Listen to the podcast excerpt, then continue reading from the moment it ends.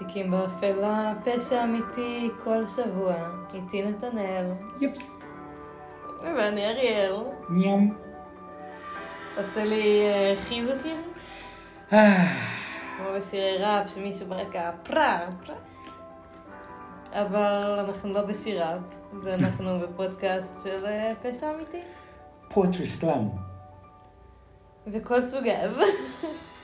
פשע אמיתי, פעם בשבוע או אריאל או נתנאל מפתים אחד את השני בנושא, והפעם אנחנו נביא את הפורמט המיוחד הזה בריבוע. תכף תבינו למה אני מתכוון. אפילו אני לא מעודכנת, כי באמת לפני כל פרק אנחנו... לא יודעים אחד לא על השני. כלום. אז יהיה פה, הפורמט יקבל איזשהו אה, שדרוג בריבוע, ואם אם אתם רוצים לצרוך את הממתק הפודקסטוני הזה, אתם יכולים לעשות את זה בכל אחת מפלטפורמות ההסכתים האהובה עליכם, שיכולות לנוע מ... מספוטיפיי עד אפל פודקאסטים, עד אה, RSS, גוגל פודקאסטים ומה שביניהם. אתם יכולים למצוא אותנו ברשתות החברתיות, בעמוד האינסטגרם ובקבוצות הפייסבוק, שניהם בחיפוש תיקים באפלה, כולם. אתם יכולים להגיב, לשתף. לדרג, וכמובן ליהנות פעם בשבוע משיחה שהיא שיחה ספונטנית. נכון, אריאל, נתנאל. מה הבאת לנו היום? התלבטות. אוקיי, סקרנת. יש שני נושאים על הפרק שהכינותי, ואמרתי אה, מי- מה שלא ייבחר עכשיו יכול להיות בפרק של עוד שבועיים. לגמרי. זה בפרק שבוע הבא, את מכינה. נכון. אה, יש שני נושאים ואת תבחרי Mm. מה שאת רוצה. אה, אהבתי. במנת הטעימות של הפרק היום. אפשרות אחת היא אה, נושא שהוא נושא בעיניי מדהים לתיקים באפלה. אנחנו נמצאים כבר, חצינו חודשיים למבצע חרבות ברזל, שהוא באמת על סף מלחמה עולמית מוצהרת בין כל הכוחות בעולם, ומסתבר, ש... וזה נושא שהוא הוא מדהים, שבגבול ובמלחמת אוקראינה-רוסיה, עדויות ומחקרים מעידים שיש תופעה מדהימה של חטיפה של ילדים, נערים, מהמשפחות שלהם, בקנה מידה שהעולם לא זוכר כמותו. זאת אומרת, מה שקורה כרגע, ישראל עזה על סטרואידים. וזה גם מחזיר אותנו לפרק שלפני שבועיים באפריקה. זה פרק מספר אחד לבחירתך. פרק מספר לבחירתך היום. אוקיי. אפשרות שנייה, היא כיוון שאנחנו תמיד, תמיד, תמיד אה, מנסים לצלול אל המבנים הרגשיים במקרי הפשע שאנחנו חוקרים, ובהתנהגויות האנושיות שהן נורמליות, לא נורמליות, מה קורה שם, מה זו התנהגות אנושית. הפעם להציף מתוך הארכיון העמוק, עמוק, עמוק, עמוק אה, של העשייה, איזושהי הצצה אל אחת ממחלקות הטיפול הכי הכי אה, מסקרנות שקיימות בעיניי בעולם, טיפול רגשי, טיפול נפשי, ולצלול אל מחלקה פסיכיאטרית סגורה, מחלקה ד' בגאה, שלפני כמה שנים, כשהייתי אה, בגילך פלוס כמה שנים, קרוב. לצורך העניין לדעתי בן 23 או 24, אז אה, עשיתי שם כתבה. והיא שודרה אז, ב, היום זה כאן 11, אז יומן השבוע של אה, הערוץ הראשון, ולהביא את הכתבה שמטפלת בכל הנושא של מבנים רגשיים, וממה שבחוץ מדברים על אתגרי נפש. שתי אפשרויות מונחות לפתחך היום, ומה שאת תבחרי, זה מה שיהיה. אני יכולה אולי לבקש... אפשרות אה, שלישית. הצעה, יש לי הצעה שכוללת את אה, שני הנושאים. אולי נחלק את הפרק באופן כזה שאני אשמע את שני הנושאים היום. מה זה- שני... לא, כל אחד זה פרק בפני עצמו, אל תהיי בתפסת מרובה, לא תפסת. כל אחד, אנחנו יכולים טכנית להביא את שניהם, אבל אני אפשר... אה, כן, אפשר כל... מה את בוחרת מבין קשה לי שניהם? להחליט. היום. השני, אם תרצי וירצה השם, השני, הנושא השני, באמת היה לנו שיחה מקדימה עליו, וזה נוגע לפרויקט שיש לי ב... מהבית ספר. מגמת. האומנות, תיאטרון. קרוב.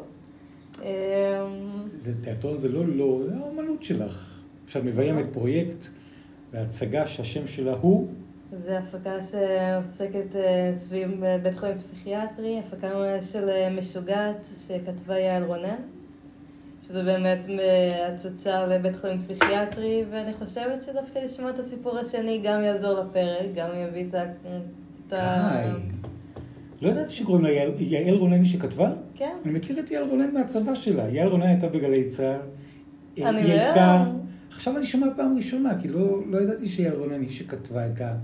אז אז- הסיפור השני מתחבר בשלוש רמות שונות, גם בעבודה שלי בבית ספר, גם בהיכרות שלכם ביניכם, וגם לפרק שלנו היום.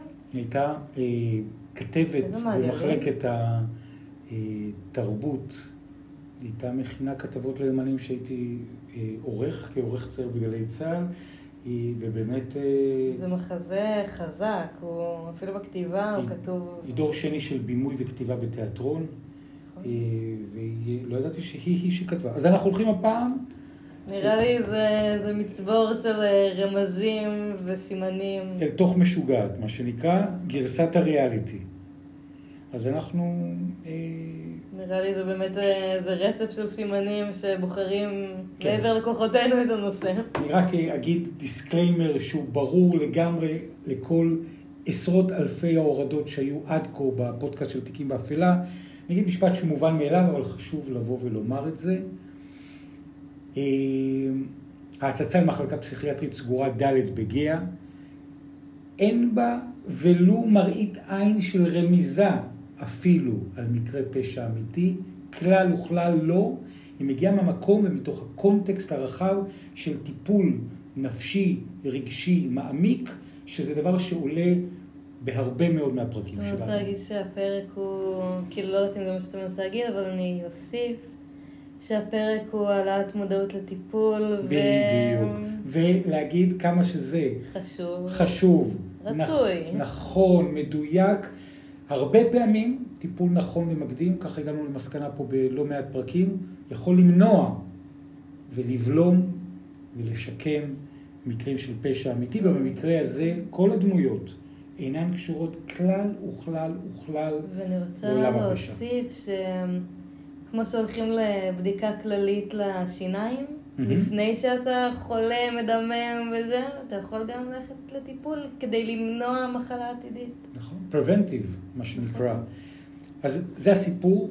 אה, הייתי אז בן 20 וקצת, והמון בהשראתו של מפגש חטוף שאני הייתי ילד, שנים השם שלו ריחף אה, בבית שלנו, כי הוא היה המרצה לפסיכיאטריה של אימא שלי, דוקטור סמריק. אז אני זוכר שיום אחד הוא הגיע, היה ביניהם קשר אה, אה, משמעותי גם מעבר ללימודים, יום אחד הוא הגיע אלינו הביתה, אני זוכר לקיבוץ איילת השחר, וראיתי אותו, אה, הוא התארח, אני הייתי אז ילד צעיר, זה היה דמות ששמה ילך קסם כאיזושהי דמות מאגית בתחומי הפסיכיאטריה, הטיפול, והוא המקים והמייסד של המחלקה הפסיכיאטרית גאה, ואז ניגשתי אליו עם שחרורים מהשירות הסדיר בגלי צה"ל, עשיתי אז כמה כתבות לכבלים, ואמרתי לו, פרופסור טיאנו, אולי ניתן להכניס מצלמות אל מחלקה ד' בגאה. כשהתשובה היחידה... עשית את זה לכתבה מטעם הצבא, מגלי צה"ל? לא, זה היה... שזה היה בלי קשר? זה היה כתבה באופן עצמאי, כדי לקבל את האישור, ואמרתי שמרגע שיהיה אישור כבר נדע היכן לשדר. אז גלי צה"ל, אגב, לא היה להם מחלקות אה, באופן טבעי, לא היה דיגיטל. אה, שנות ה-80-90. שנות ה-90 של המאה הקודמת, אמצען, ולשמחתי הוא אמר שזה, הסיכוי הוא מאוד קטן, אבל בוא נלך על זה. ואז... שווה לנסות, כאילו, ואז לדעת חד משמעית את התשובה. ואז התחילו שלו כמה מעגלים של אישורים שלקחו הרבה הרבה זמן. קודם כל, אה, לקבל את האישור של המרואיינים והמרואיינות בתוך המחלקה, אה, לקבל את האישור של הצוות. המרואיינים שלכם היו אה, מטופלים שם או אנשי עבודה? המרואיינים שלנו היו כמה, ליתר דיוק, שלוש בנות שהן מהבנות הנורמליות ביותר שזכיתי אז להיפגש בחוץ, היו קוראים להן משוגעות. ולקבל את אישור הצוות, לקבל את האישור של המנהל מייסד של המחלקה ומנהל בית החולים דאז, את האישור של הצוות, את האישור של הילדות ואת האישור של המשפחות, כי הן היו קטינות. וכל זה בלי שיזהו אף פרט מזהה לגבי שלוש הבנות, לפי החוק. וכל המטרה הגדולה שהייתה מאחורי זה, זה לספר את הסיפור וגם להביא למודעות מה קורה מאחורי הדלת הסגורה של מחלקה פסיכיאטרית. מי שנתנו את האור הירוק אז אה, לסיפור ולשידור שלו, היו בעצם גם אמנון אברמוביץ' וגם ישראל סגל. ישראל סגל היה העורך והמגיש המיתולוגי של יומן השבוע בערוץ אחד, יאמר זכרו לברכה. זהו, עוד שני קרדיטים שחושבים בתוך ההקשר הזה, כיוון שהאתגר הכי גדול בתוכו הוא התיעוד, הצילום והראיונות בלי פרטים מזהים, נדרשו שני אנשי מקצוע אומנים בתחומם שיסייעו, אחד בצילום, אריק רובינשטיין היה צלם, אה, צלם באמת נדיר, יכולת לספר סיפור בלי לראות הבעות פנים, מלאות, והעורך, עורך הוידאו, תור בן מיור, שלימים גם במאי דוקומנטרי, זכה באמי הבינלאומי לסרט דוקומנטרי, שני אנשים מדהימים. הפקה ש... מרשימה. כן, וגם היה אה, אה, כמובן עוזרי צלם ואנשי סאונד, היה באמת אה, אירוע אירוע. הרמתם באמת הפקה לנושא באמת חשוב.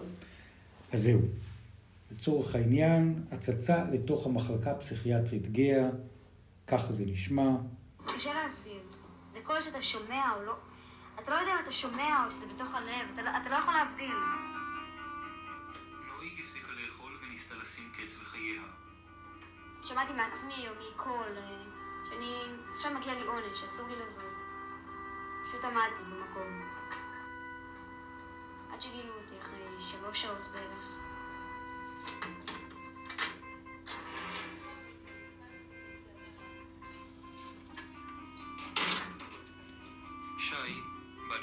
18. פשוט צריך למצוא איפה החלק אחד, ו... פשוט חותכים את עצמך. כמה שיותר חזק, ככה יותר טוב, יותר עמוק. כמה פעמים חתכת את עצמך?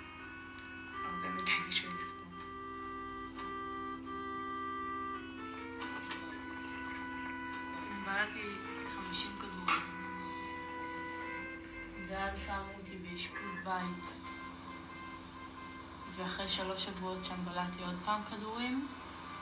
30 כדורים הפעם.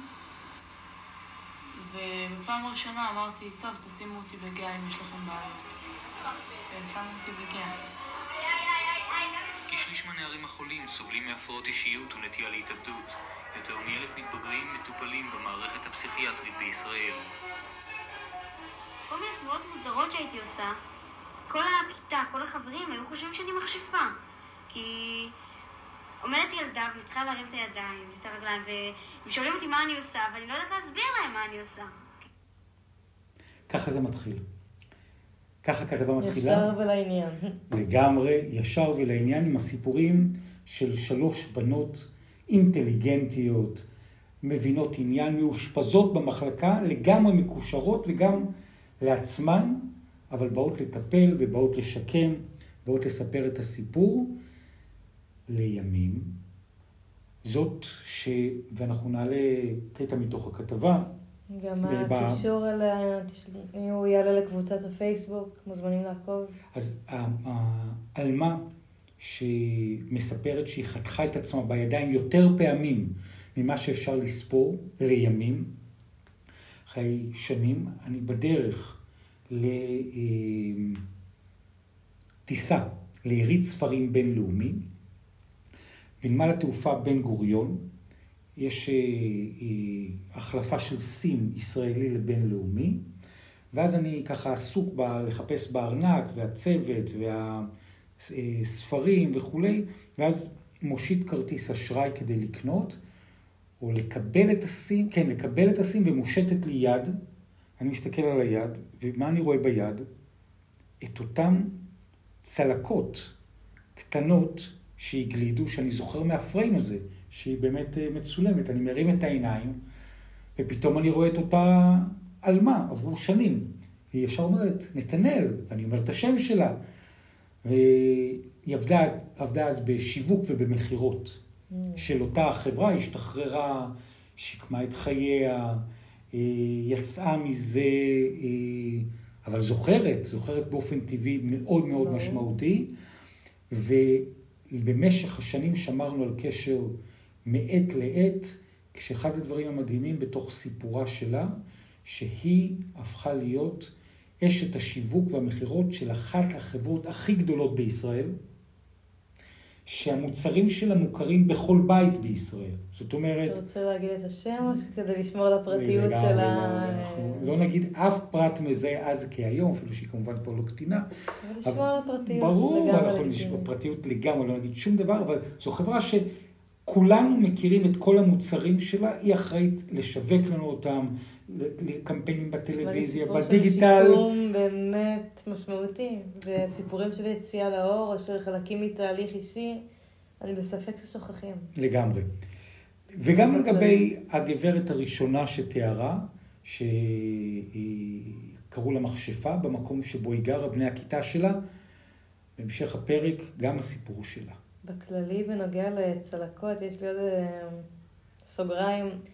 יש המון המוני קעקועים שמתמחים בכיסוי קעקועים, בכיסוי צלקות בקעקועים. מעניין. שזה גם אה, תהליך שיקומי נורא יפה לדעתי, של לקחת משהו קשה ולהפוך אותו לאומנות. יפה ממש, אחלה רעיון ואחלה... כן. יש אנשים שזה עוזר להם. אני לא יודעת להסביר להם מה אני עושה, כי גם היה אסור לי להגיד. איך הוא נשמע, אותו קול, קולות? אתה לא שומע דרך האוזניים, אתה שומע כאילו דרך הלב. אני לא מדברת איתו, אני רק אה, מצייתת.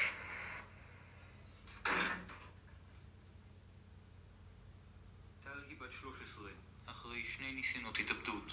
ילדים קטנים, איך הם יכולים לקבוע שהם משוגעים? על מה את חושבת שאת רואה את הילדים האלה משחקים בחוץ? הלב שלי נשבר. למה בלט כדורים? כי אני ילדה קטנה וטיפשה שמחפשת תשומת לב, וכמה שהיא לא מקבלת, היא צריכה יותר. מה מסקרן אותך כל כך במוות? אני פשוט יודעת שאחרי שאני אמות, זה לא ייגמר, יהיה עוד משהו. לשבת זקנה, מקומטת, ו... ולדעת שאני אמות, ואני כל כך ארצה לחיות, אבל אני אמות. הנטל הכבד של מחלת הנפש והדעות הקדומות מונח גם על כתפי ההורים. הם חלק בלתי נפרד מהמחלה והטיפול בה. למה רצית להתאבד? כי אני חושבת שהחיים שלי לא כל כך שווים אה, לחיות אותם. מי פגע בך? אה, גם אנשים מבוגרים שהכרתי מבחוץ, וגם אה, לפעמים ההורים שלי, אפילו לא בכוונה, אבל הם פגעו. זה קורה, פה עושים טעות, פה מפלים לטובת האח, או אוהבים יותר את האח, או יותר מישהו אחר, לא יודעת. מתי צחקת בפעם האחרונה?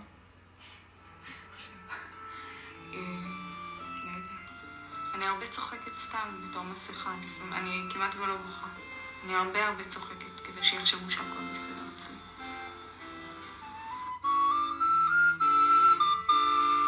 והמסכה הזו נסדקת באמצעות המוזיקה והשירים שכותבים.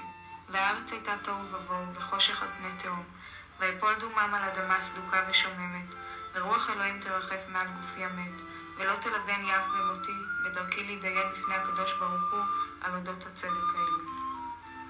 ואפול דומם על אדמה סדוקה ושוממת, ורוח אלוהים תרחף מעל גופי המת. איך אה, הרגשת בפעם הראשונה שקראת שיר כזה שכתבה הבת שלך? היה לי מאוד קשה אבל לא מתוך התחושה של לברר מאיפה ולמה ומה קרה, אלא מתוך התחושה של אימא שרואה בת כואבת בצורה מאוד כואבת.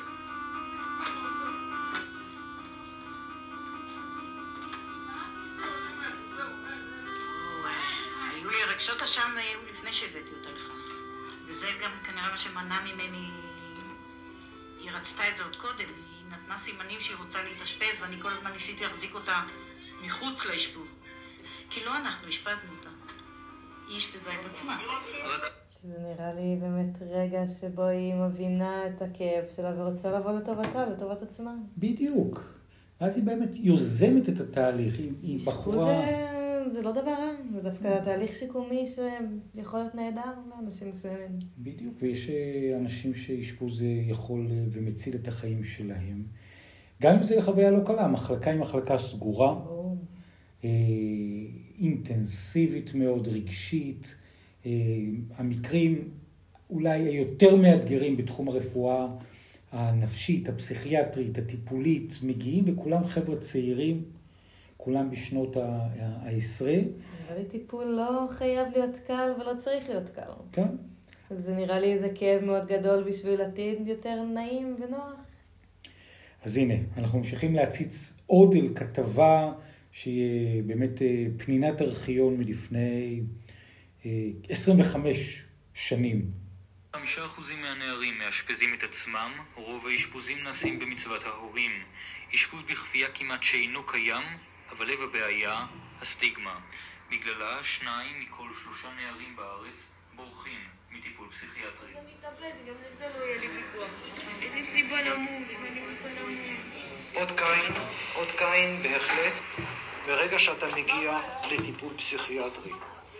האח הגדול לקח את הפרטים שלך, רשם אותך, ומרגע זה אתה מסומן, זה מונע ממשפחות מלהפנות את ילדיהם, זה מונע ממתבגרים, מגדיל את הפחד שלהם מלהגיע לטיפול מתאים ולהת, ולהתאשפז. זה הקלטה של פרופסור טיאנו, אחד המנהלים כמובן גם המנהל המייסד של המחלקה וגם אה, אה, מנהל של בית החולים גאה, ואחד הראשים והמומחים הפסיכיאטרים המובילים אה, בנושא הזה בעולם של טיפול בילדים. מאוד, מאוד יפה על הסטריאוטיפ באמת שמוצמד על, על מאושפזים. האח הגדול. נכון. האח הגדול, הוא אומר את המונח הזה עוד לפני שזאת הייתה מה שנקרא תוכנית טלוויזיה מצ, מצליחה, אבל במובן הזה, הכל, כל הזמן הילדים נמצאים שם כמו בבית האח הגדול, בהשגחה מלאה. כל הזמן מסתכלים עליהם. לגמרי, כדי שגם לא יעשו שום דבר רע לאף אחד אחר ולא לעצמם. איזה הגבלות יש כאן? היה לי תוכניות uh, טיפול קשות שהיה אסור לי לעמוד כדי לא לשרוף אנרגיה. גם כשעמדתי הגבילו אותי. זה שהגבילו אותי זה 30 פעמים. משהו כזה. בדיוק המונח הזה הגבילו אותי. בשפה פשוטה קשרו אותי למיטה. זה הרגשה נוראית, זו הרגשה הכי בולטת שנתקלתי בחיים שלי של חוסר אונים, שאתה פשוט לא יודע מה לעשות עם עצמך. אתה לא יכול להזיז את היד, התנועה הכי פשוטה שכל תינוק עושה כשנולד, מזיז את היד, או... מה שאתה יכול לעשות זה לצחוח.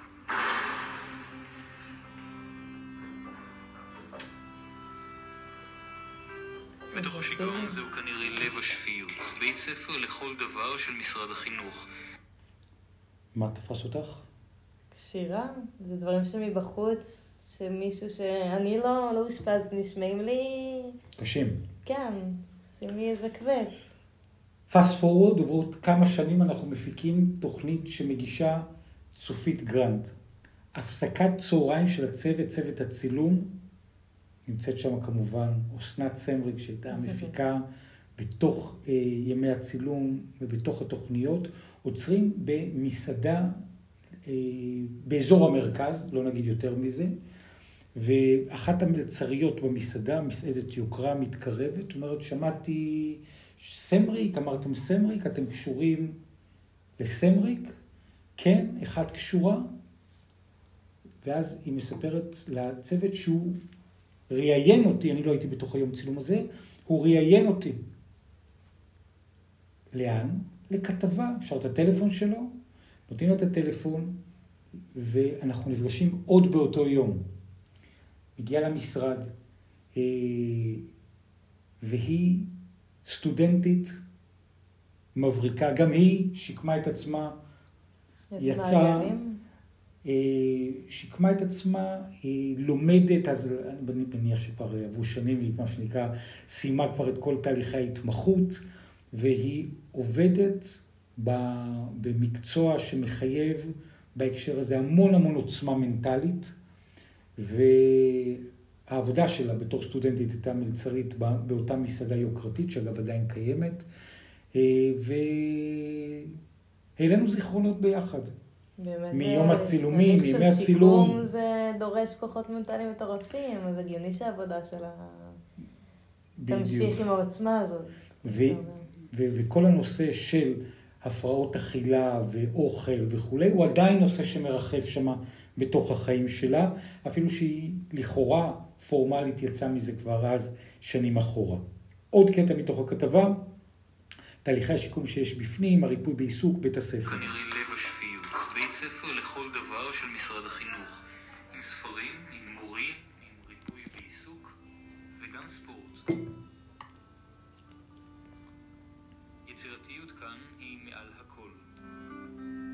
זהו גל, המאושפז בצו בית משפט. הוא הלחין חלק מהמוזיקה לכתבה. ילדים שנמצאים במחלקה הם כמו בני אדם, כמו הרי געש, רק הרי געש היפראקטיביים שמתפרצים קצת יותר, יותר מהר ולעיתים יותר תכופות. ואני לא מחשיב את עצמי בכלל אה, למשוגע, פשוט עוברת עליי תקופה קשה ואני אצא מזה. והרדוף יצאה מגאה, היא בריאה כבר יותר משנה. היא חזרה למחלקה. רגיל, כל החיים לפניי, אני מרגישה שזה צל כלשהו בעבר שלי ולא יותר. שלא מעיב על החיים שלי היום, בטוח. אמנם רוב הנערים יחזרו למחלקה לאשפוז חוזר, אמנם התווית משוגע מקובעת בהם במסמרים של בורות, של פחד, אבל בסופו של דבר, רוב הנערים משתקמים. חשבתי שאני יכולה, יכולה אפילו אה, לקרוא מחשבות של אנשים, כמו להסתכל עליהם ולהגיד להם מה הם או מה הם חושבים. אם היית צריכה היום לצייר את המחלקה, באיזה צבע היית צובעת אותה? וואו, זה קשה. אה, אני חושבת ששחור, אבל לא רק, כי יש פה גם הרבה מעבר לזה. כלומר, מעבר לעצמות ולבעיות של כל אחד, יש פה גם דברים יפים.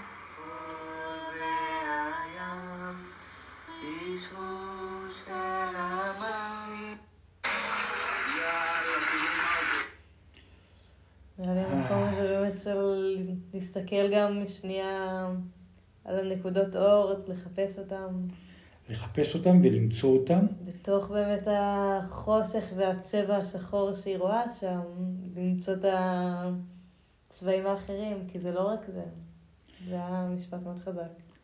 מה מתוך הכתבה עד עכשיו, אנחנו ככה ממש מתקרבים לישורת הסיום של הכתבה, מה מתוך הכתבה תופס אותך במיוחד?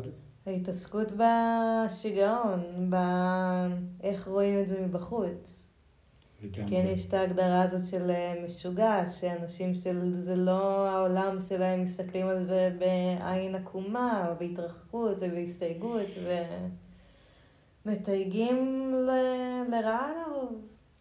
אז אני מקווה שעתידית זה יהיה ממקום של אה, אפשור. יש פה רגעים שכולם ביחד, וזה ממש ענק. זה אחד הדברים הכי... הפשוט מדהימים שיש פה. שיושבים וצוחקים, וככה כולם אחד על השני יושבים באיזשהו חדר. וזה זה פשוט לא... אתה לכמה רגעים אתה פשוט שוכח שאיפה אתה נמצא.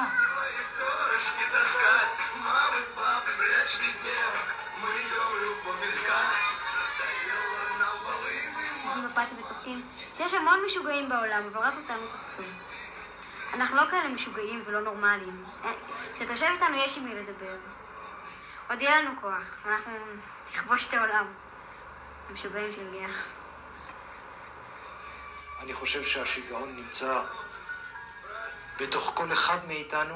השאלה, מתי הוא יפרוץ. ותפקידנו רק להחזיר להם את השליטה על מנת שיוכלו לבחור מתי הם רוצים או לא רוצים להשתגר.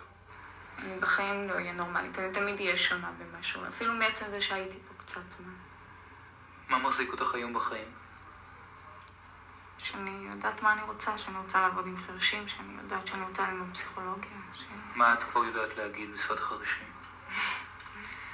אה, שלום, מה שלומך היום? כל מיני דברים. מה שלומך היום?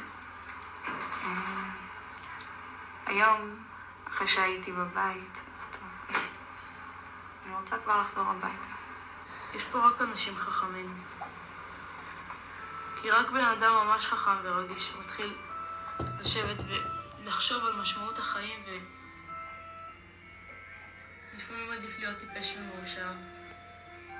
השאלה אם זה בחשבון השני.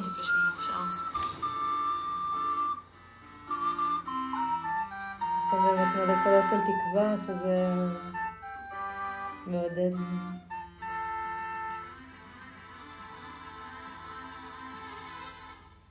כן, זו הייתה, זו הייתה כתבה שכבר דיברנו כבר כמה פעמים, שנצפה בה ביחד. נכון. אז הנה זמן איכות של צפייה ביחד. אני חושבת שהפלטפורמה של תיקים באפלה זה גם מקום שלא חשבתי שיועיל להכניס אליו את הכתבה, אבל...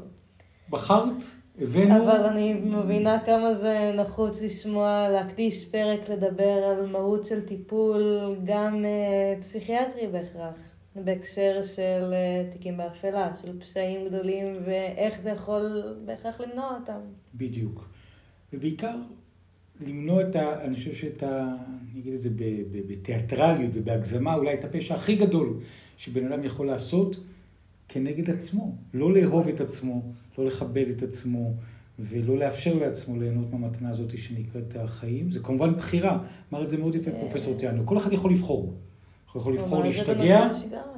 הוא יכול לבחור שלא להשתגע, זה קיים בכל אחד מאיתנו. אני דווקא חושבת שיש את הרגש הראשוני שאתה מרגיש, אתה יכול להיות עצוב, להיפגע, מדוכא אם אנחנו הולכים לכיוון הזה. מהמם. ומה שכן יש לך בחירה זה, אלא לדעתי, מה אתה עושה עם אותו רגש. בדיוק. זה מה שאני מרגיש, מה עכשיו? אני רוצה, אני, אני יכולה רגע לשבת בעצב שלי, ואני יכולה רגע להרגיש את זה. של מה אחרי זה. אריאל סמריק, אני שמח שהייתה לנו ההזדמנות אה, לעשות את המפגש הזה ביחד. אני שמחה גם, זה גם אה, משהו שאני שמחה לשמוע ב... במובן של העבודה שאני עושה בתיאטרון, וגם להעלות אה, את הנושא של טיפול למודעות, ורגע לנער את הסטריאוטיפ של המשוגע, את הסטריאוטיפ השלילי שמתויג לשיגעון. כן. מה שהגשתי עם שתיים מתוך הבנות שנפגשתי ככה אחרי שנים ונשמר קשר טוב. אה, באמת הם... אה, נראה לי תהליך שקשה לשכוח. גם היה כתבה מאוד מאוד משמעותית לכל הנוגעים בדבר. יצא לי לדבר עם אה, היום במאי עריכות ובמאי בפני עצמו, עם עורך הוידאו, לא מזמן בהקשר אחר לגמרי. הדבר הראשון, עברו 25 שנים, הוא עשה מאז מאות אם לא אלפי כתבות וסרטים ותוכניות, מיד זכר את החומרים בחדר העריכה ואת ה, את התכנים המדהימים האלה. סרט שהם- משמעותי. כן, שהם בסופו של דבר נותנים פתח לתקווה לכולנו שזה רק סטיגמה של בורות. אז אה, תיקים באפלה, תודה רבה לך, תודה הנושא. תודה לכם שאתם שומעים, ואני אגיד שוב שאתם יכולים להקשיב לנו באפליקציות הפודקאסטים, ספוטיפיי, גוגל פודקאסטים ומה שביניהם, ולצרוך אותנו ברשתות החברתיות, בעמוד האינסטגרם וקבוצת הפייסבוק, הכל הכל בחיפוש תיקים באפלה. תודה לכם, שיהיה שבוע טוב. ביי ביי.